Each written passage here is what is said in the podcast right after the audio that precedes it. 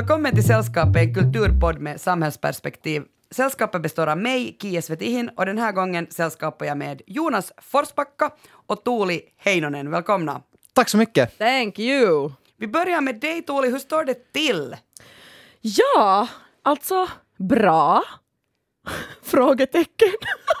alltså, det är ju märkliga tider igen. Jag har inte sett dig på, på jättemånga veckor så, så jag vet faktiskt inte hur du mår. Nej, jag att om frågetecknen var till mig Nej, så kan jag inte svara hur det är du mår. kanske till mig själv främst. Alltså, jag mår bra. eh, Är det så att du det- gynnas av den här, den här vår nedstängning av samhället? Du hade ju jättemycket jobb. jag hade jättemycket jobb. Jag kan inte säga att jag gynnas av den, för vi, mina föreställningar är ju nu inställda, vilket är jättetråkigt. På ett sätt, jo, jag har fått lite vila ut mig, men jobbet fortsätter oberoende av nedstängning och sådär. Alltså du är skådespelare och höll på med två pjäser eh, när, när de här nya restriktionerna kom och teaterhusen stängde. Ja, I Helsingforsregionen ska jag väl säga. Ja. Det är ju inte hela landet likadana restriktioner. Nej, fast nu såg jag just att i Åbo började de stänga ner teatrarna också. Jag håller på och läser repliker hemma och repar in en finsk version av Julius Caesar som vi hoppas kunna spela på Esbo stadsteater i januari.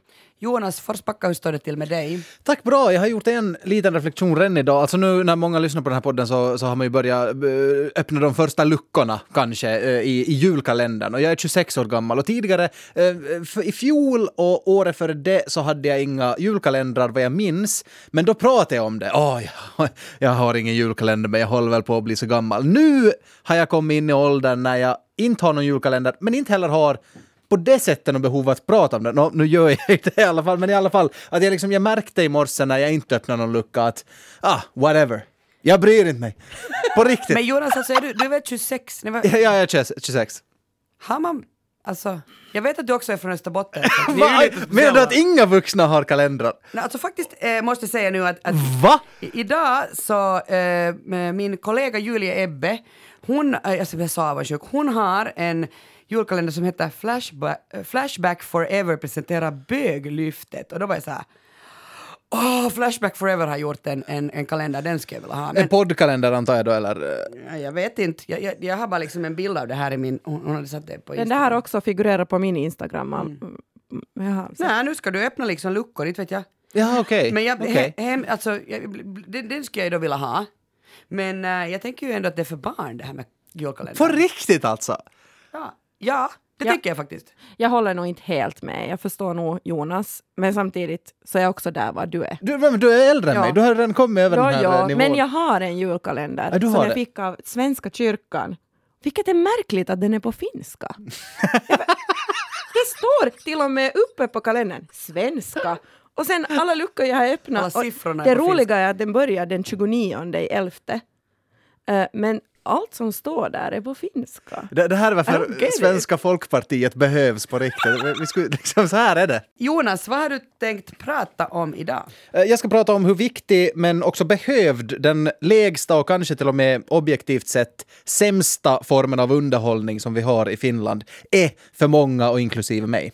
Okej, spännande. Uh, Tuuli, vad ska du prata om? Jag ska prata idag om fest, eller rättare sagt festen som uteblev och som också kanske anses mindre viktig än alla övriga. Självständighetsbalen. Wow! Kundvagnar, ni vet de som man har i mataffären. Ja, Mm, Som man sätter sina varor i och sen så kan man köra omkring med den. Och man kan också låta den stå så här. Det är ju ganska skönt att ha den. Jag brukar alltid ta kundvagn, alltså, fast jag bara ska köpa en sak. jaha okej. Jag har sätter aldrig Sätter vi kundvagn. väska i den också. Och så, och så, just den där, så lämnar jag den och går och tar någon frukt. Ja, ja, Och jag ja. bor i Berghäll, jag hoppas, jag är alltid lite spänd så här, har någon tagit min väska? Spänning i livet. Aj, du lämnar väskan i den. Men jag är en sån dajo. Ja, ja, men också tilltro till andra människor och så vidare.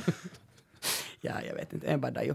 Men uppfinnaren av kundvagnen 1937 i USA så var tvungen att hyra in modeller till affären, alltså vanliga eh, supermodeller eh, som skulle gå, eh, vanliga supermodeller, det var ju konstigt. Alltså snygga brudar helt Snygga brudar och, och snygga män hoppas jag väl också, som skulle gå runt med de här kundvagnarna och se coola ut så att andra kunder skulle täckas använda dem.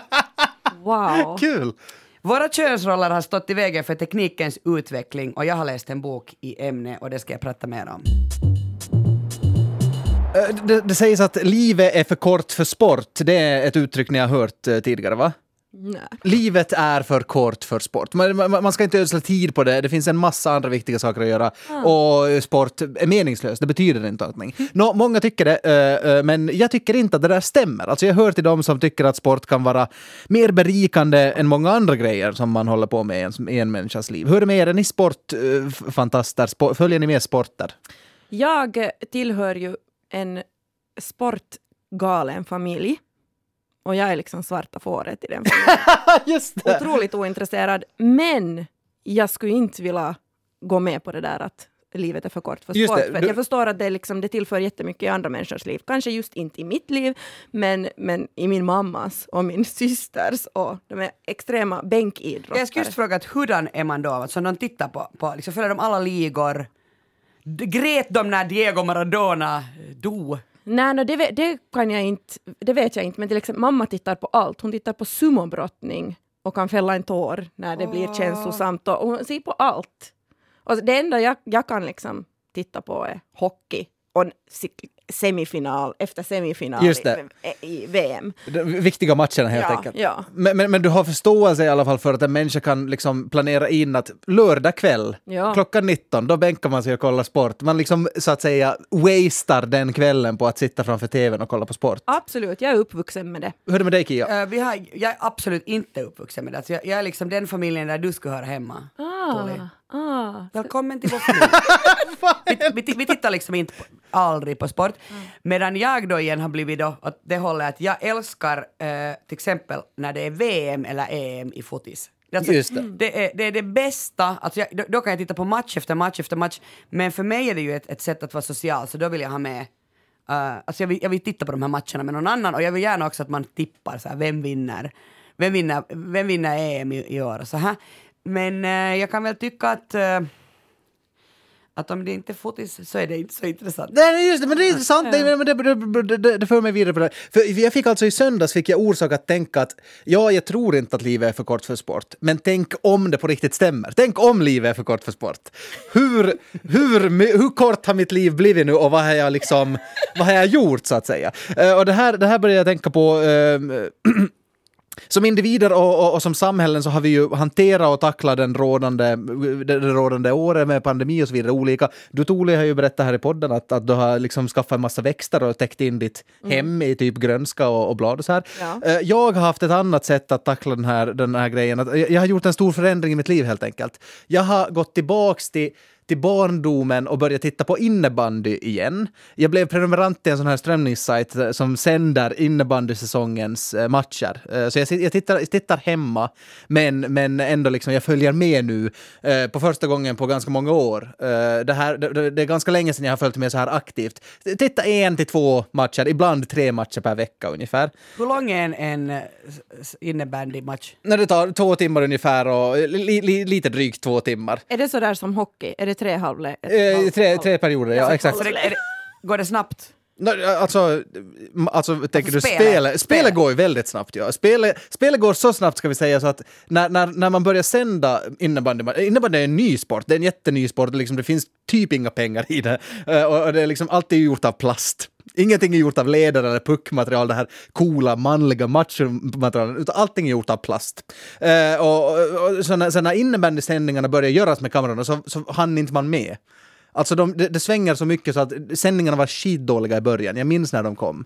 Men, men ja, innebandyn som idrottsgren är liksom, om man vill bredda det som kulturform och så här, som social grej och gemenskap. Så det är en stor grej i typ Sverige, Finland, eh, Norge, Schweiz och Tjeckien. Men det är liksom sen, sen, sen finns det typ inte ens. Va, är det liksom, är handboll, okej nu, nu nu är jag ute på farligt vatten. Är, är handboll lite lika? Alltså handboll är väl stort så här, i Grankulla, i Danmark.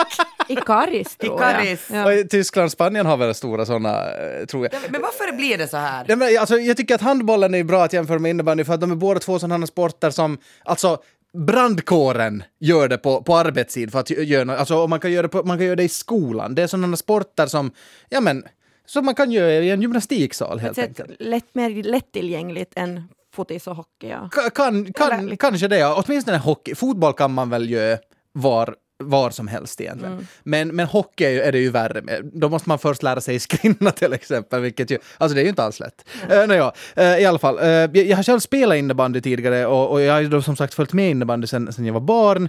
Men alltså det har varit så, jag- alltså jag har, jag, jag har till och med, jag har märkt att jag, det tog en stund i min psykoterapi att jag ens kunde börja prata om att ja, men den här, vad, vad innebandyn betyder för mig. För att det känns som så, det känns så himla nära. Det känns, alltså Freud skulle väl kalla det lilla Jonas liksom. Det, jag, jag, det, det, har- det, det är liksom, alltså... du om? Nej, nej, men så, nej, men så är det. Alltså, det är så här, alltså, och det är lite cringe. Alltså, det är liksom en lite, alltså, det, jag tycker inte att innebandyn är cringe, men den anses, alltså den är ju inte den coolaste sporten.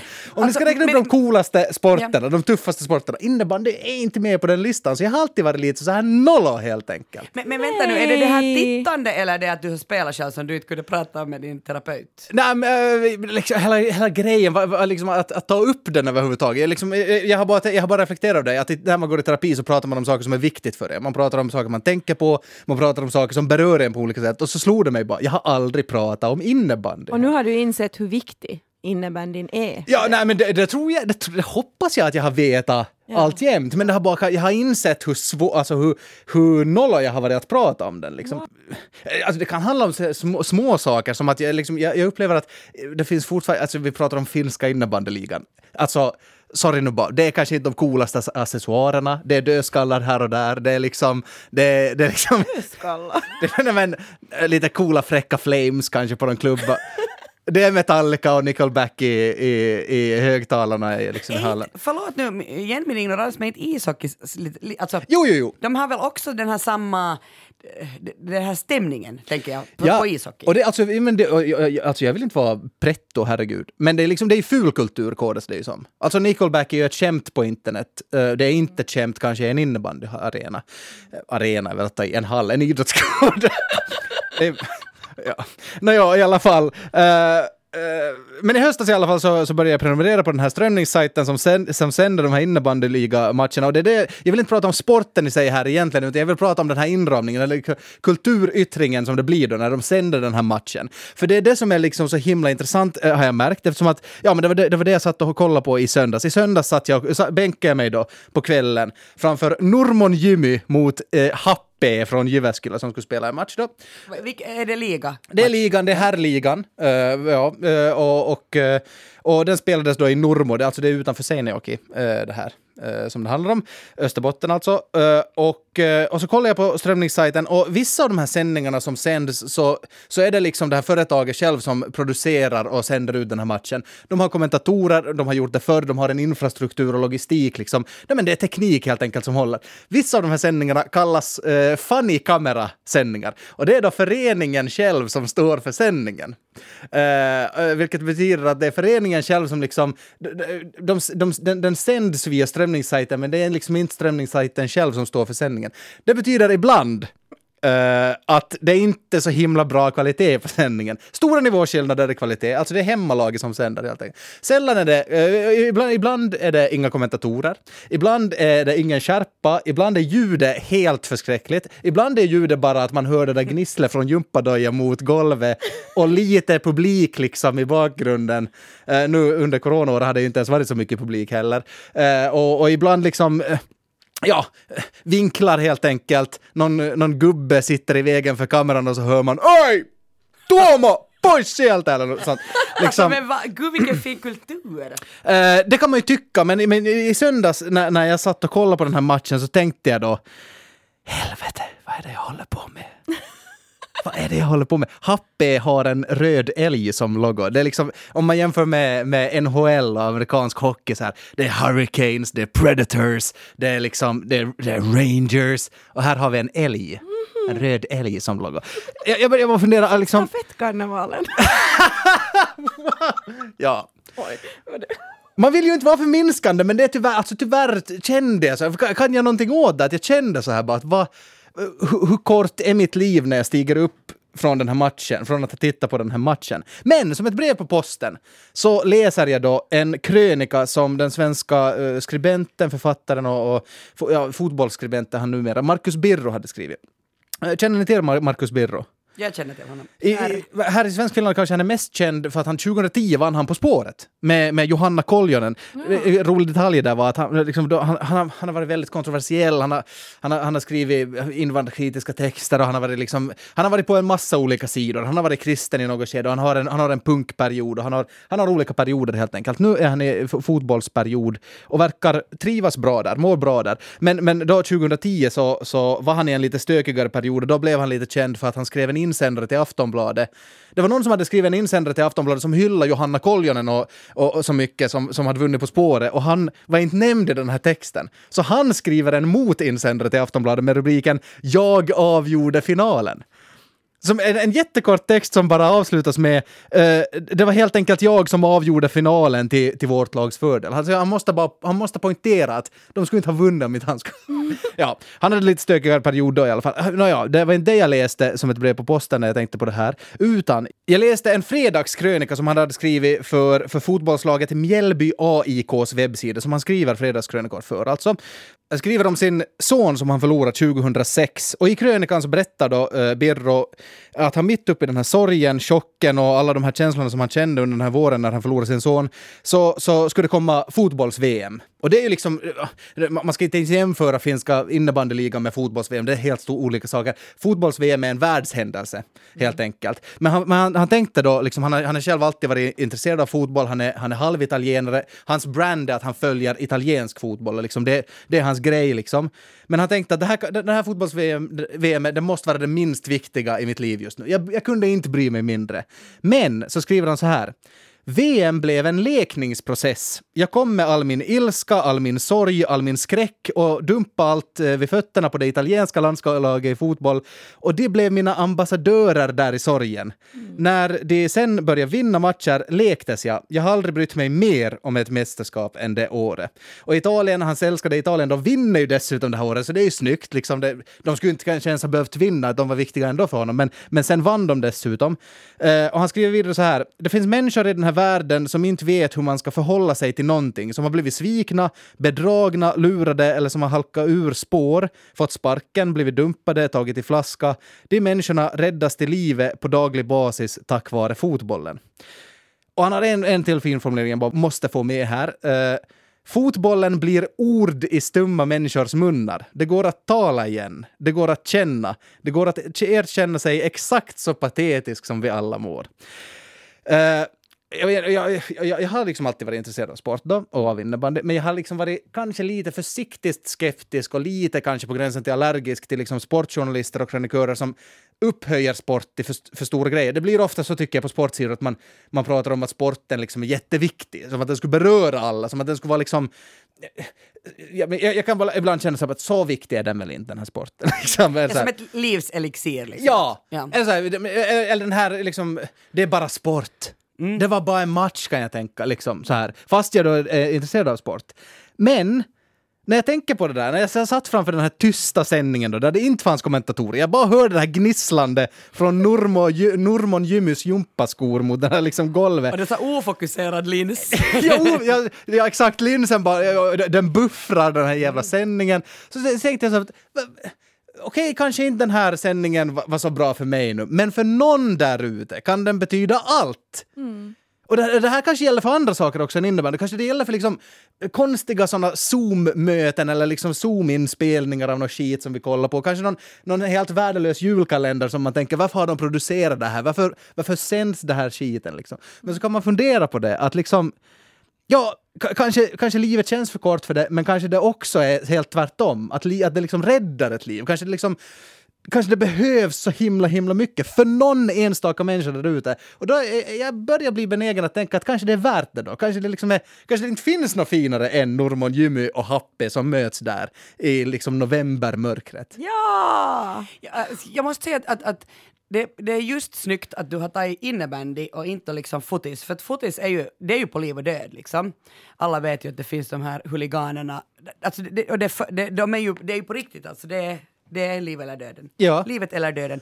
Men, men det där, jag tänker för att eh, jag, jag såg just den här Maradona-dokumentären som ligger ute på arenan i och med att Diego Maradona dog förra veckan. Och det där, när han tar Neapolis... Men hur Ja, säger- Napoli, ja. Neap, vad heter det? då? Na, Napoli. Napoli till eh, att, de, att de vinner liksom nu, nu måste Jonas du hjälpa med ligan. Ja, Serie A tror jag att det heter i Italien. Ja. Italien. Så alltså, det, det finns inte dess like hur glada italienarna blir. Eh, och det där bland annat en sån bild som liksom jag inte kommer att glömma i första taget. Att, ja, alltså de hade lagat en sån här banderoll utanför kyrkogården och så hade de skrivit liksom så här då, att ni vet inte vad ni har missat till liksom alla de döda. Åh. Då tänkte jag så här, men herregud ändå, att det är verkligen sannerligen större än livet. Den här fotbollen. Men, jag menar, men också hockeyn, jag menar inte det är ju någonting som sammanför det finska eh, samhället som när Finland vinner hockey-VM. Det är ju helt sådär, det är ju helt galet. Så jag, jag kan nog liksom, för andra är det liksom musiken som är livets elixir och det är någon låt som liksom hjälper en genom svåra tider eller så är det någon film eller någon serie eller någonting och för andra är det sport. Men jag kan, jag kan inte poängtera nog hur tråkig den här matchen jag såg i söndags var. Alltså, det var inte, alltså det var, jag tror att det var liksom 15 mål totalt kanske i matchen. Innebandyn är ju en målrik sport, tack och lov. Men det var, jag tror inte att det var ett enda snyggt mål. Det, var liksom inte, det fanns inte något intressant, men det var ändå liksom värt att det, det måste jag också säga, apropå coronarestriktioner så här. Här, här, i, här i Nyland, där jag sitter, så, så får man ju inte träffa andra människor typ ungefär, om inte det liksom finns en jättestor nödvändighet. I Normo satt de liksom trångt på läktarna. De, sa- de satt Kanske de liksom- inte, de har, kan ju inte ha samma restriktioner. Nej, nej, nej, de kan inte ha det, de inte ha det. Men- ja, men i alla inte fall- länge till. det blev i alla fall en jättesnygg bild av liksom folk som kommer samman, slår på den lilla trumman, liksom, alltså helt bokstavligt talat, de hade en trumma med och liksom slog på den för att, för att heja på sitt lag. Och jag vet inte, jag, jag, kanske jag blev nykär där. Jag ska droppa lite feministiska kunskapsbomber på er. Uh, rymddräkten, resväskan, bilen. Vad har de här tre sakerna gemensamt? Det får ni inte svara på, utan jag svarar det är uppfinningar som har en historiebeskrivning som är präglat av ett nedärvt manligt tunnelseende. Det här skriver Katrin Marschall om i sin nya bok Att uppfinna världen, hur historiens största feltänk satt käppar i hjulet. Och hon är, eh, äh, Katrin Marschall äh, eh, känner ni kanske igen om ni läser Dagens Nyheter. Hon är deras korrespondent i London och hon är också författare och har gett ut många faktaböcker.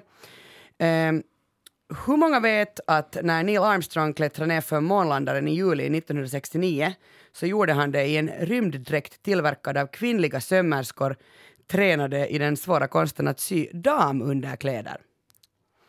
Männen i det här rymdprogrammet så, de var fast i ett sånt tänkande att svåra uppdrag kräver tunga rustningar.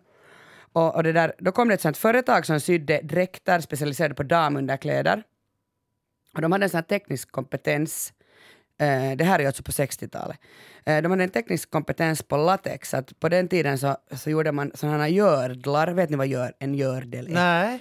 Nej. Eh, som en korsett Ja. eh, av latex, eh, därför att man skulle ha smal midja. Eh, och det här hade de hållit på att framställa och de, lagade, de gjorde också bhn. Och det, där, eh, det gav dem ett tekniskt försprång.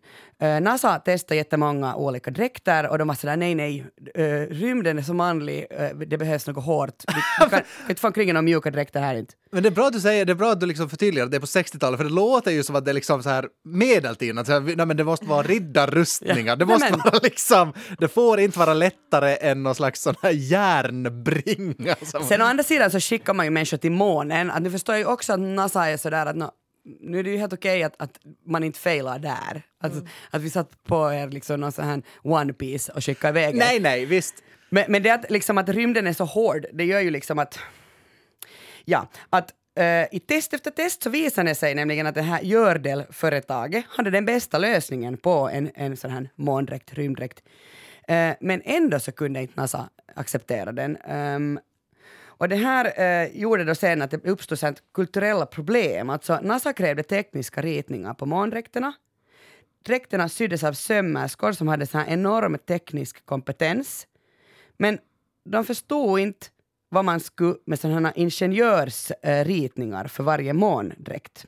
Så det här blev jättestora konflikter då mellan de här organisationerna, alltså NASA och den här som skulle tillverka de här dräkterna.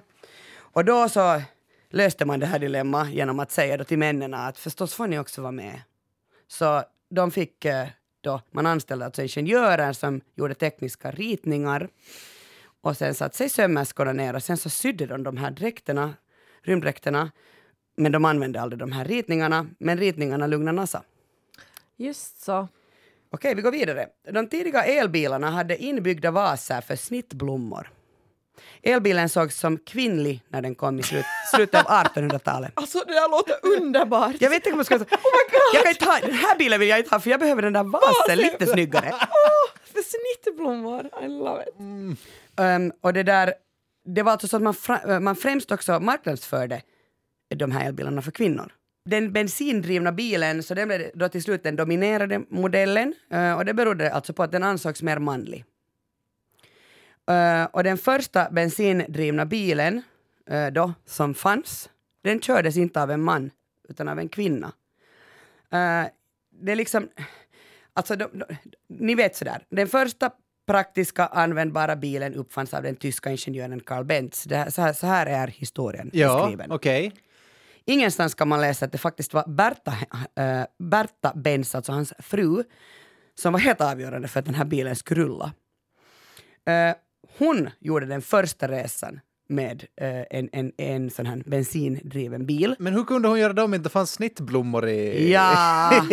Hon gjorde det på en natt faktiskt för det var, människor blev så upprörda. Alltså, det var bara häst och kärra innan. Att de ville liksom, de var rädda för den där, för den där bilen. Och, och liksom, när den gick sönder längs med vägen, vart hon nu reste, så använde hon hattnålar för att öppna bränsleledningen, hon använde strumpeband för att isolera tändningstråd. Hon skapade liksom en, av, massa avgörande förändringar som blev standard på bilar. Ingen har någonsin uppmärksammat det här. År 1900 hyllades Carl Benz som världens största biltillverkare. Wow! Nå, hur kom det sig att vi inte har haft hjul på våra resväskor förrän 1972? Eh, I decennier har ju människor släpat omkring sina väskor liksom, bara i handtaget. Vart man nu än skulle resa så släpar man omkring på dem. Och, och det där hjulet är liksom faktiskt en teknik som man upptäckte för 5000 år sedan. och sen vi har uppfunnit det här hjulet så har vi ju ägnat oss åt att faktiskt applicera hjulet på olika saker för att göra det lättare för mänskligheten. Vi har satt, hjular, vi har satt hjul på vagnar, på skottkärror, på kanoner, på bilar. Vi har till och med satt ett hamsterhjul, liksom åt hamstern. Vi har upptäckt Paris, liksom vi har lagat pariserhjulet. Där ska man sitta och Vi har till och med rollerblades. Ja. Men det där, eh, många sådana här uppfinningar går trögt just eftersom det räcker inte bara med en bra idé. Man kan inte bara säga så här, skulle inte vara smart att sätta eh, hjul på, på min kappsäck? Eh, för marknaden förstår inte alltid liksom sitt eget bästa. Och man förstår inte poängen med uh, resväskor på hjul. Uh, Man antar liksom att den teknik som existerar också är den bästa möjliga. Det är nog kanske bara bäst att man bär omkring på de här väskorna. Att om man till exempel tänker en bil med en ratt, så vi utgår ifrån att det är bästa sättet att styra den. Ja. Men tänk om man skulle kunna styra den på något, så som man, vet, som man med en, en, när man får med en segelbåt. Ja, just det. Roder. Med rodret. Alltså jag vet inte, men liksom, det är för att man, man tänker bara, ah, men det här är säkert det bästa tänkbara. Hjul eh, på en resväska uppfattades som fruktansvärt omanligt. Ah, fy fan ska du gå Men omkring med någon, ska du gå omkring som någon, som någon kvinna med, med så här resväska på hjul? Om kvinnor reste så var det ju alltid i sällskap av en man. Och mannen kan väl bära väskan? Ja! Mm. Tröttsamt. De här två antagandena höll tillbaka innovationen när det gäller att sätta hjul på en resväska. En riktig man bär och, och en kvinna, en kvinnas rörlighet är alltid begränsad. Nåja, världen är ju full av människor som alltså hellre dör än ger upp en viss idé om vad som är manlighet. Alltså till exempel eh, doktriner som att riktiga män äter inte grönsaker eller att riktiga män går inte till läkaren för att de har lite ont. Eller riktiga män har inte sex med kondom. Så det dödar faktiskt riktiga män av kött och blod liksom varje dag för att man är bara så dajo i sin inställning. Eh, och att upprätthålla en sån här idé om manlighet, så den blir liksom överordnad än, än liksom en mycket annat, till och med döden. När man kopplar det här till innovation, så då är vi inte riktigt vana med den där tanken. Jag kan säga också att den här boken av Katrin Marschall har ju förstås väckt också en del, alltså alla män går inte med på det här, så jag skulle beskriva om historien på något sätt. Uh, nåja, när jag jobbade som, som modersmålslärare på en yrkesskola, det här är då kanske 10-15 år sedan, slutet av 2000-talet, så det där funderar jag nog alltid jättemycket på. För jag undervisar närvårdare, ehm, bilmekaniker, elektriker och så vidare. Och liksom det var ju helt självklart, ja, förstås vilken grupp hade sämst lön. Nå, jag som lärare och de här närvårdarna, man ansåg att det var ju kvinnliga yrken. Och det där, nu kan man ju fundera så här bara, vilket jobb är viktigare då? Vilket jobb är på riktigt viktigare? Vilket har högre status? Vilket räddar mer liv? Nå, eh, med facit på hand vet vi ju att det är inte läraren och det är inte närvårdaren. Ehm, och när man pratar från ett sånt ekonomiskt perspektiv om kvinnors och mäns löner så har det ju stått ganska stilla, alltså fortfarande är ju kvinnans euro, eh, min, är, det, är det 80 cent? Eller har det stigit? Vågar ju inte säga något, men, men den är mindre i varje fall än Mm. Ja. mannens. Och det här att löneskillnaderna är stora, så det hänger samman med att ekonomi och teknik, eh, liksom, alltså man, vilka arbeten och arbetsuppgifter värderar vi högt? Mm. Jag tycker det är så konstigt, för värderar man då liksom närvårdarens uppgifter jättelågt? Som, på, som liksom i dagens läge är det viktigaste Vi tar då ju bra lön inte. Nej. Eller dagvårdspersonal som jag liksom varje dag tackar Mm. faktiskt. Att att tacka att ni för skitlön tar hand om mitt barn Mm. i väder som väder. För att inte säga utsätta sig för risk. De tar ju hand om barnen Mm. fast det är pandemi. Nå jo, äh, begreppet flicktimmar i det där datorålder, datorålderns början, alltså 1940-talet ungefär, så var ett mått på beräkningskraft. Eftersom beräkningarna datorerna skulle utföra fram till dess hade utförts av kvinnor. Idag är programmeraryrke ju ett högstatusjobb. Men från början var det alltså ett kvinnoyrke. Det var inte någon män som satt och räknade något. Det var kvinnornas jobb. Just det. Uh, och, och jag kan faktiskt ge ett exempel här. Har ni sett den här Hidden Figures som kom för några år sedan? Oj, nej, jag har ju inte gjort det, men man borde väl ha gjort det. Va? Jag har sett Du har den. sett ja. den. Handlar ju både liksom om kön och rasfrågor. Men där var det ju liksom för att, för att eh, kvinnor, tre briljanta kvinnor, Katherine Johnson, Dorothy Vaughan och Mary Jackson, de jobbar för NASA och var hjärnorna bakom en av historiens största projekt.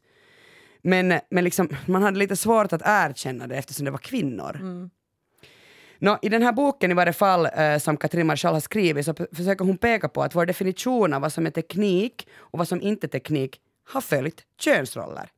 När kvinnor kärnar smör så var det en förlängning av en naturlig kvinnlig kompetens. Det handlar ju om mjölk och... Vi har, Nej, men ja, vi har ju tissar och Nej. ibland kan man amma från de där tissarna. Det kan du säkert mjölk.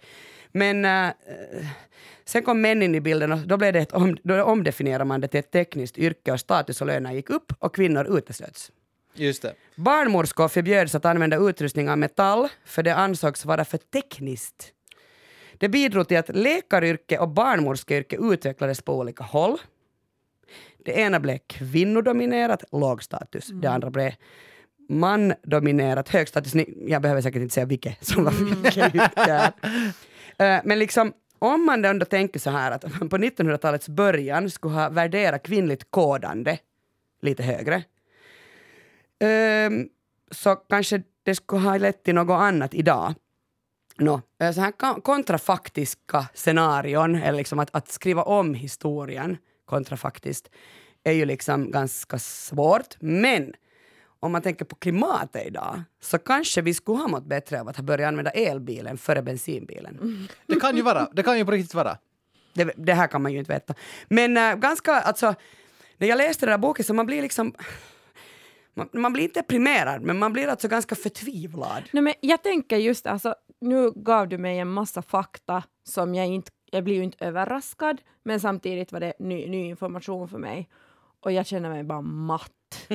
jag sa, åh, att jo, visst, det här är också, det är fantastiskt att den här boken har blivit skriven och det är viktig information som alla borde veta. Samtidigt blir jag så här, åh, jag var lite lyckligare när jag inte visste det här. Just Att det, det, är, det är liksom tungt att ta in och det, är som, det kommer hela tiden någonting som man liksom inte på det sättet har varit aktivt medveten om, men som man tvingas bli aktivt ve- medveten om idag. Och man är så här, varför, varför, varför är alla så dumma i huvudet? Så jag tänker Katrin Marschall säger, hon, hon, blev, hon var gä- gästa Babel, ni vet det här litteraturprogrammet på SVT. Och det där, där så sa hon att eh, hon liksom tänker positivt ändå att, att om kvinnan har varit liksom med ena handen alltid bunden bakom ryggen, så tänk vad vi kan uppnå nu om vi liksom vågar förlita oss på att man som kvinna kan ha ett högstatusjobb, man kan koda, man kan köra bil. Jag vet inte. Men det, det som jag tycker är så himla tröttsamt är hur långsökta de här kopplingarna har varit. Alltså liksom, eh, det är ju, det är ju liksom, eh, kvinnor har det, det förtryck att, att tänka sig att liksom, nej men det, det, det, det, det kvinnor är liksom naturlig, att de, kvinnor har en naturligt inne, exakt, inneboende liksom Ja. egenskap att ja, men du är född som kvinna, därför kan du naturligtvis eh, kärna smör bättre än andra. Det är ju, liksom, det är bara, det är bara liksom ett förtryck det. Men, men hur långsökt det är jag, att man liksom mo- motiverar den här logiken för sig själv. Att nej, men de har ju bröst. Det är därför de kan det. Att, men, alltså, det är liksom, och sen köper många det. Att Det är det jag tycker att, är liksom så himla tröttsamt. Och det är ju liksom, absurt. det är så absurt. Ja. Det är bra att Katrin Marschall har skrivit den här boken och, och det, hennes mamma var kodare. Alltså hon var en sån som räknades i flicktimmar och flickår. Det. Och det där, jag tänker väl att, att om man är också uppvuxen med det här så kanske man är helt sådär att hej, min mamma. Min mamma är, är matta, fyssa, kemmalärare. Det kommer jag ihåg att jag hela mitt liv har jag alltid gått omkring och sagt. Det, det är också lite så manligt att vara matematik, fysik, kemi. My, mycket kvinnligare. Jag är ju utbildad modersmålslärare. Tycker jag passar bättre.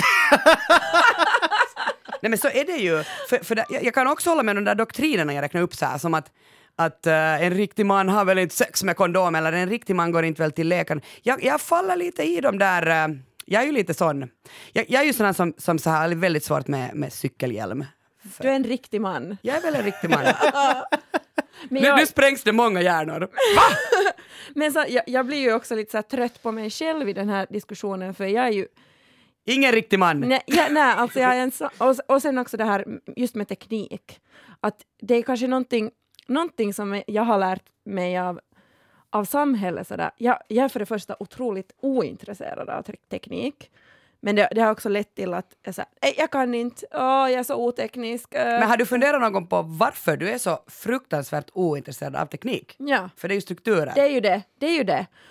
Samtidigt som jag vill säga, måste jag nu bara i feminismens liksom, eh, eh, vet du, i, eh, på grund av feminismen och det att jag är feminist nu börja liksom sätta in mig i, i teknik. Att jag blir också lite provocerad. Alltså, att nej, Klart att det finns ju andra. Jo, jo, jo, klart det. Mitt i allt sitter du och löder egna kretskort. Sam, samtidigt som du tittar på Sabba. Jag vet inte ens vad Sabba är. Sähly, vad heter det? Ja. Innebandy. Bra Tuuli. Eh, jag fick en tanke på det här med, apropå med det här hjulet, det tycker jag är väldigt intressant. Alltså jag, jag, jag tänkte på det, var, var behöver vi fler jul helt enkelt? Och, och nu när det närmar sig julbord och så här, man äter middag med, med familjen, så ett problem som ofta uppstår är ju, man säger, man sitter på ena bordsändan, kan du skicka smöret? Då må- måste ju ofta skickas via två händer minst om bordet är lite längre. Varför har inte smörskålen eller då smörpaketet inbyggda hjul. Och så skulle man alltid liksom placera eh, kärl och grejer, förpackningar på bordet på, så att det finns en liten bana där man kan skjuta smörpaketet. Sushi, vet ni när man kan ju äta sushi liksom, i- i- det finns ju restauranger, kanske bara utomlands, där de åker omkring på en sån här bana och så bara plockar man. Ja! Nu märker jag att är jag den här liksom konserv, konservativa bakåtsträvaren som blir så gud vad onödigt. Ah, Jag tycker nog också att det var ganska onödigt. Det där är din Ja, uppfinning. men Men det beror på att du, det är för att du är man. ni tycker att Kan det inte, du är inte så innovativ. vä- väldigt, väldigt o, ofeminint att, att skicka smöret på jul. Det är för manligt.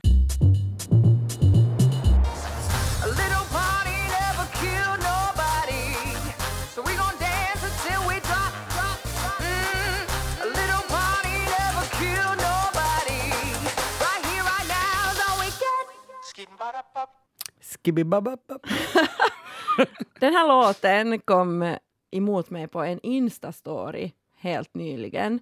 Och på den, I den här Insta-story så såg man en, ett uppdukat långbord och festdekorationer. Och, och det första jag tänkte att oh, den här låten har inte åldrats väl.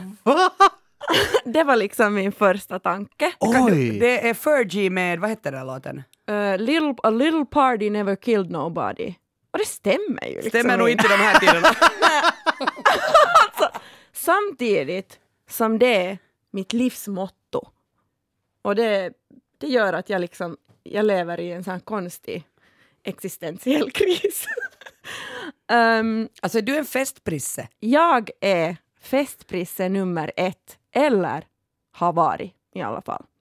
Liksom, jag lever för festen. Och det har kommit ut en sån här underbar bok eh, nu i oktober.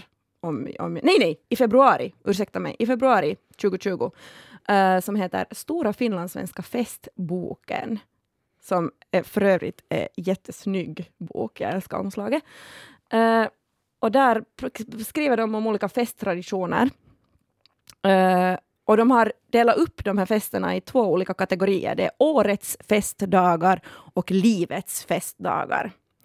Eh, med årets festdagar menar man då eh, de som hör till kalenderåret, till exempel jul, påsk, nyår och så vidare. Kyndelsmäss. Precis. Och så livets festdagar som är då bröllop, dop, studentdimission och så vidare. Eh, jag lyssnade också på, på den vetskap där de här författarna Eh, intervjuades och de pratade om olika festtraditioner. Och så påstod en av dem, jag är osäker på vilken av dem, det var Anne Bergman eller Carola Ekrem som sa det här, men att festandet inte påverkas av coronan. Att man hittar på nya vägar och en ny slags kreativitet ur detta hinder. Ah, Eh, okej. och att de tror på festen i alla lägen, vilket är ju så här underbart. Och jag, Alltså positivt tänkande väl, ja, men- verkligen. Men, men, Kan väl inte riktigt hålla med? Nej, nej, det låter lite som en copingmekanism, eller vad tänker du? Ja, ja precis. Alltså, vad, alltså det, är ju, det är ju klart att man kan ha... Det är så här som att, att man kan jobba, eh, man kan ha de här mötena på, på distans, det går ju lika bra. Nej, Det går inte alls lika bra, man kan bara ha dem. Mm. Ja, precis. Det är ju helt hemskt att ha möten på Jag, distans. jag har haft med min mamma diskussion om Zoom-jul i år och vi, vi börjar båda gråta. Ja, ja, ja, no, men åh nej. Eh, men eh, de pratar alltså om festtraditioner. Men det är en festtradition som är otroligt viktig för mig som inte finns med i den här boken. Ooh. Vilket jag, vilket jag av många orsaker förstår. Men eh, det, det, finns en till bok som man kunde skriva. och det är firmafesten. Det är ju liksom en festtradition som är som, anse, som jag upplever att anses mindre viktig än såklart jul och så här. Men är den faktiskt det? Ja. Och det är också liksom en sån här skamfest. Eller, men liksom, det är ju inte någonting som man nu jobbar hårt för att upprätthålla, utan det är ju firmafesten som ryker direkt. Det är lite sådär att när begränsningarna kommer i samhället så är det ju kulturen som ryker först. och, och, och om, om fester är samhället så är ju firmafesten kulturen. Och jag upplever att det här är problematiskt. Just det. Och nu förstå mig inte fel. Jag förstår alla restriktioner och jag förstår att man inte ska liksom ordna ord- Firmafester, ordna firmafester. Men jag pratar inte heller enbart om firmafester utan jag bara talar om alla som arbetsrelaterade fester eh, som kan vara liksom en afterwork efter jobbet. är det också. därför du är frilansare så att du kan vara liksom i jättemånga olika produktioner så att du kan vara på allas firmafester? Jepp! Och Du kommer aldrig att vilja bli fastanställd. Alltså, jag är mingel-queen. Och det, jag är också en sån person som, som är jättetråkig att gå tillsammans med på en fest. För jag, Du jag, försvinner! jag försvinner. Du försvinner! Jag försvinner. Ja, ja, ja. Och jag kan till och med säga sådär, åh, nu ska jag hem, speciellt efter några äh, alkoholportioner, så jag säger, nu ska jag hem och så säger jag hej då till folk och sen hittar de mig två timmar senare i ett annat sällskap. Bara, "Du hem? Nej, nej ser du, jag blev här nu. Men du, brukar du gå ensam på fest? Mm. Liksom att du är, är du bra på att gå ensam på fest? Jo, jag är ganska bra på det. Inte så där att jag går ensam på en fest där jag vet att jag absolut inte känner någon. Eh, Det kanske. No, har, visst, det har hänt. Men, men jag vill gärna helst gå liksom i en grupp där alla vet att okej, vi ska inte förlita oss på Tuuli liksom, som stöd på den här festen. För att jag, jag försvinner. Jag är ganska avundsjuk på sådana som kan gå nämligen ensam på fest.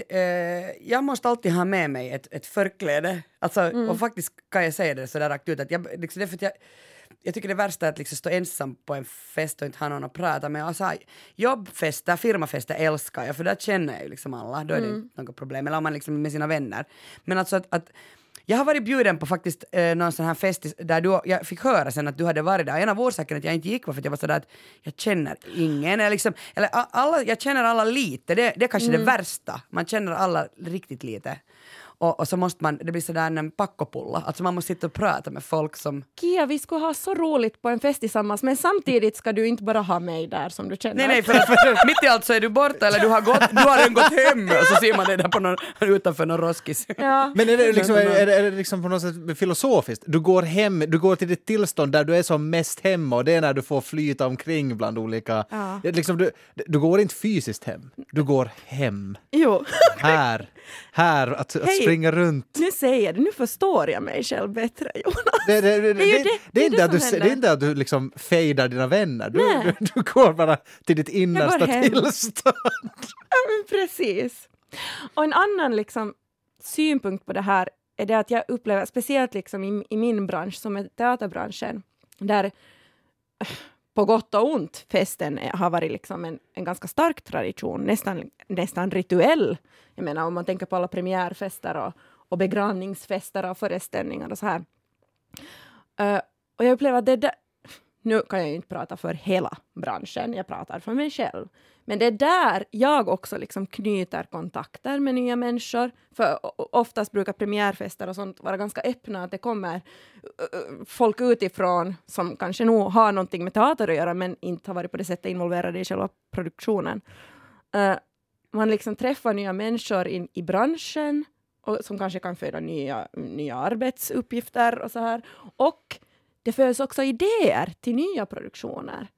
Jag har varit med om så många diskussioner där man har liksom eh, relativt nykter, eller inte. Men i alla fall att man har, man har kommit på en idé som, som låter helt fantastisk, som kanske inte är lika fantastisk nästa, nästa dag, men den har, liksom, man kan spinna vidare på det till någonting helt underbart, som sen faktiskt har blivit verklighet. Och, och de här tillfällena liksom har försvunnit nu. Och jag undrar att hur kommer det här att påverka kulturbranschen i framtiden? Det här, det här ka- katastrofåret där firmafesten uteblev. Nu kan jag inte tala för andra branscher, liksom, men, men jag, jag tror att nyckelordet är att hur, hur påverkar det teaterbranschen och hur påverkar det kulturbranschen? För jag Ja. menar, när- jag, ser, när jag hör ordet firmafest så tänker jag ju på ABB eller Mirka eller liksom Wärtsilä som har något sånt, har hyrt en, liksom, en av deras egna industrilokaler och det är 300 personer som är skitfulla och som, alltså det sista de pratar om är hur ska vi utveckla verksamheten eller har vi några nya idéer utan det de funderar är hur ska vi få Men, druckit? men Vi måste dricka mera. Ja, Hur ska vi det är göra? någonting som man skapar även på de här ABB-firmafesterna tror jag är samhörighet. Och den här liksom teamandan. Jag vet min, på min mammas jobb eh, så för vissa, är liksom, de väntar ju hela året på den där julfesten och alla, de går till frissan och fixar håret och köper nya kläder och det är liksom, man, man får den här kämparandan tillbaka och den där filisen för jobbet. Och det, jag tror att det är, det är inte bra att de uteblir, och samtidigt som jag förstår att de gör det, men att, Ja. men att man, man sätter ju mycket energi på de här andra högtiderna. De är viktigare högtiderna som julen och påsken och där och där och där. Allting ska ordnas på något sätt. Men firmafesten skiter vi i. Och det tror jag är, är, är falskt. It's a big mistake! Jag tror it's a big mistake alltså. Och jag skulle inte vara någon alkoholromantiker men, men, eh, men det är jag. ja, att eh, i, i, i min bransch då, eh, min och Jonas, vi som är journalister, så um, det heter sådär att borde inte ni få docka tillsammans så blir den sändningen bättre. Ja. Eh, och, det där, och jag kan säga det med sällskapet, vi startar ju liksom upp den här fantastiskt otroligt fina podden under eh, pandemins första våg. Eh, så vår, vår releasefest uteblev. Men liksom Vilket är helt fuss- Ja. fruktansvärt. Alltså jag vill så gärna docka med er. Mm. It will happen! Får jag bara säga, det är synd om alla som lyssnar som inte såg Tolis ansiktsuttryck. Vi behöver en emoji av det där. Alltså, Jag har aldrig sett någon som var liksom så ledsen, liksom.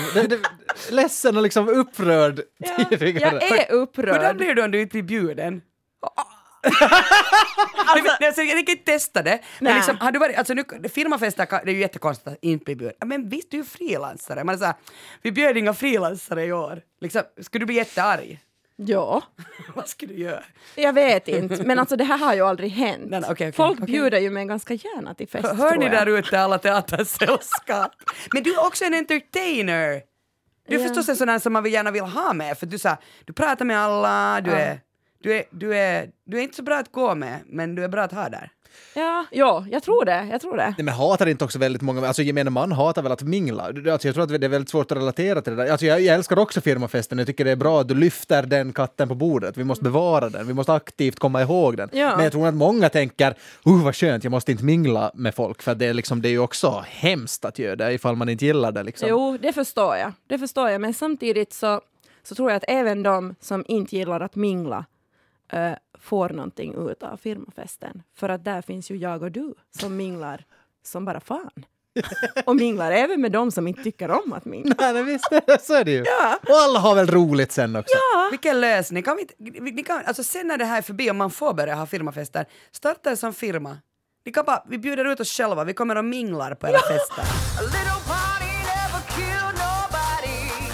I varje avsnitt eh, av podden Sällskapet så brukar jag fråga av er att vad kan ni inte släppa i kulturväg den här veckan? Jonas, du är först ut. Jag kan fortsätta på spor- sportspåret då. Jag vill tipsa om podden When We Were Kings. Eh, det är svenska sportjournalisten Erik Niva som gör det med Håkan Andersson, tror jag att han heter. Eh, Håkan i alla fall.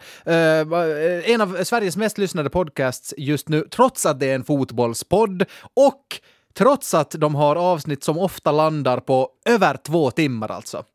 Eh, förra avsnittet eh, om det argentinska laget River Plate och de landar på tre timmar och elva minuter det här avsnittet. Alltså de pratar om, de pratar om, de drar in samhälle, de drar in kultur. Det är som en historielektion eh, i, det här, i de här avsnitten. Och eh, jag har lärt mig väldigt mycket av det och jag, jag tycker att det finns något otroligt kittlande i när man ser att det här, när, när, när poddavsnittet börjar ticka över en timme, den börjar ticka över två timmar, bara oj shit, de är över tre timmar. Jag känner att jag lever när det händer.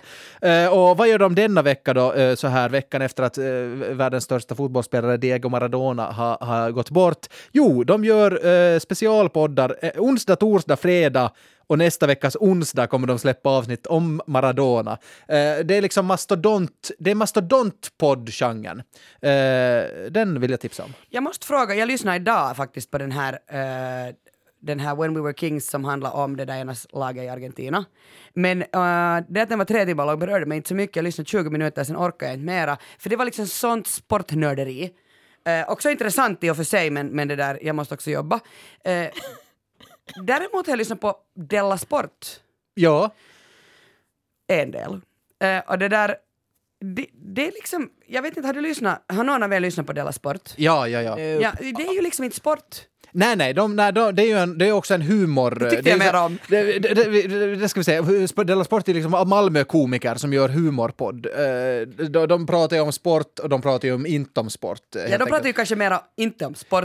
De, de, de är liksom, de har ju den ängsliga inställningen till att okej, också de som inte gillar sport ska ju kunna höra på det här. Eller, liksom, eller ängslig, man behöver inte kalla det det, jag lägger ingen värdering i det. De, vill pra, de gör en podd som alla kan lyssna på. When We Were Kings, ja, jag säger att det är samhälls och liksom kultur och historieperspektiv, men det är liksom, det är klart, om inte man bryr sig alls om fotboll, då vill man ju inte lyssna på det i tre timmar, naturligtvis.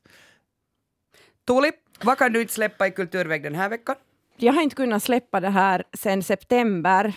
Problemet är att jag inte har fått uppleva den här kulturupplevelsen, men, tänk, men jag tänker ändå tipsa om det. Det här är alltså en musikteaterföreställning som heter Private Dancer eh, i regi av Lydia Bäck och på scen ser vi Teaterhögskolestuderanden. Eh, och de skulle ha haft premiär den här veckan, men det har blivit inställt, vilket är helt förödande. Jag följer på Instagram flera av människorna som är involverade i projektet och jag, jag kan inte släppa det. Alltså, kostymerna är amazing. Eh, scenografin är så här, åh, jag måste få se det här.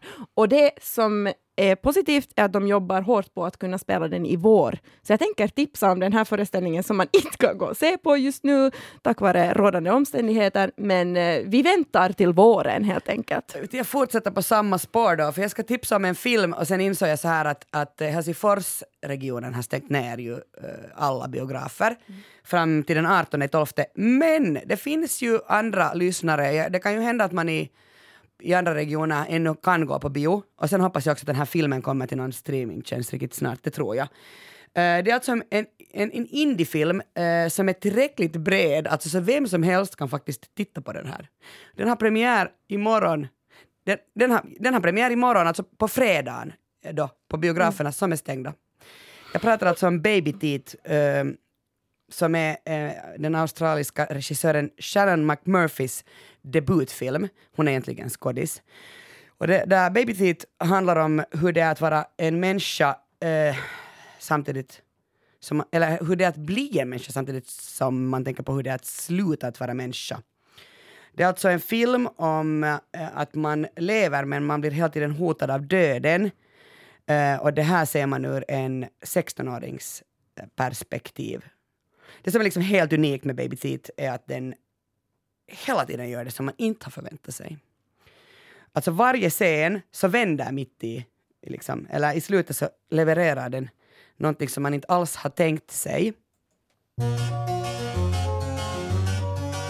Första scenen så sjunker en mjölktand sakta ner till botten i ett vattenglas ackompanjerad av en vemodig och vacker stråkversion av The Strangles gamla 80-talshit Golden Brown och efter det här stämningsfulla intro så förflyttas eh, man helt abrupt som tittare till en tågperrong i Sydney och där kommer en sån här knyckig ung narkoman som springer rakt på en tonårig tjej. Och det här blir liksom ett oväntat möte på en romans i skuggan av döden. Den här 16-åriga flickan har nämligen obotlig cancer och blivit kär i den här knarkaren. Gud vilken film jag ska Ja. säga bara! Åh, den här måste man ju se nu. Alltså jag, jag blir få ett så här, så här, vad heter det, kalla Du får- kårar när du jag, får när jag gåshud pratar av om den. din egen text. Men så jag, bara, jag, bara satt, jag bara satt så här och bara tittade på den, alltså jag såg den på en pressvisning förra veckan och var Ja. bara så här, det här är fan den bästa film som jag har sett på helt sjukt länge. Och den är liksom inte, jag menar okej, den, det är ju helt fruktansvärda premisser, Jo. men den är inte så hemsk. Alltså det, man, den, den gör en också glad för att jag bara grät och grät och grät och grät och grät och grät och grät i slutet. Eh, tack Jonas Forsbacka för att du var med i sällskapet. Tack, jättekul att vara här. Tuuli Heinonen, tack för att du var med i sällskapet. Tusen tack. Har ni lyssnare där ute något på hjärta? Tveka ej, skriv oss. Vi har fått en egen mail, sällskapet at yle.fi. Alla referenser och hänvisningar hittar du i avsnittsbeskrivningen på arenan. Nästa vecka sällskapar jag med Petra Laiti och Kasper Strömman. Vi hörs, hejdå! Hej!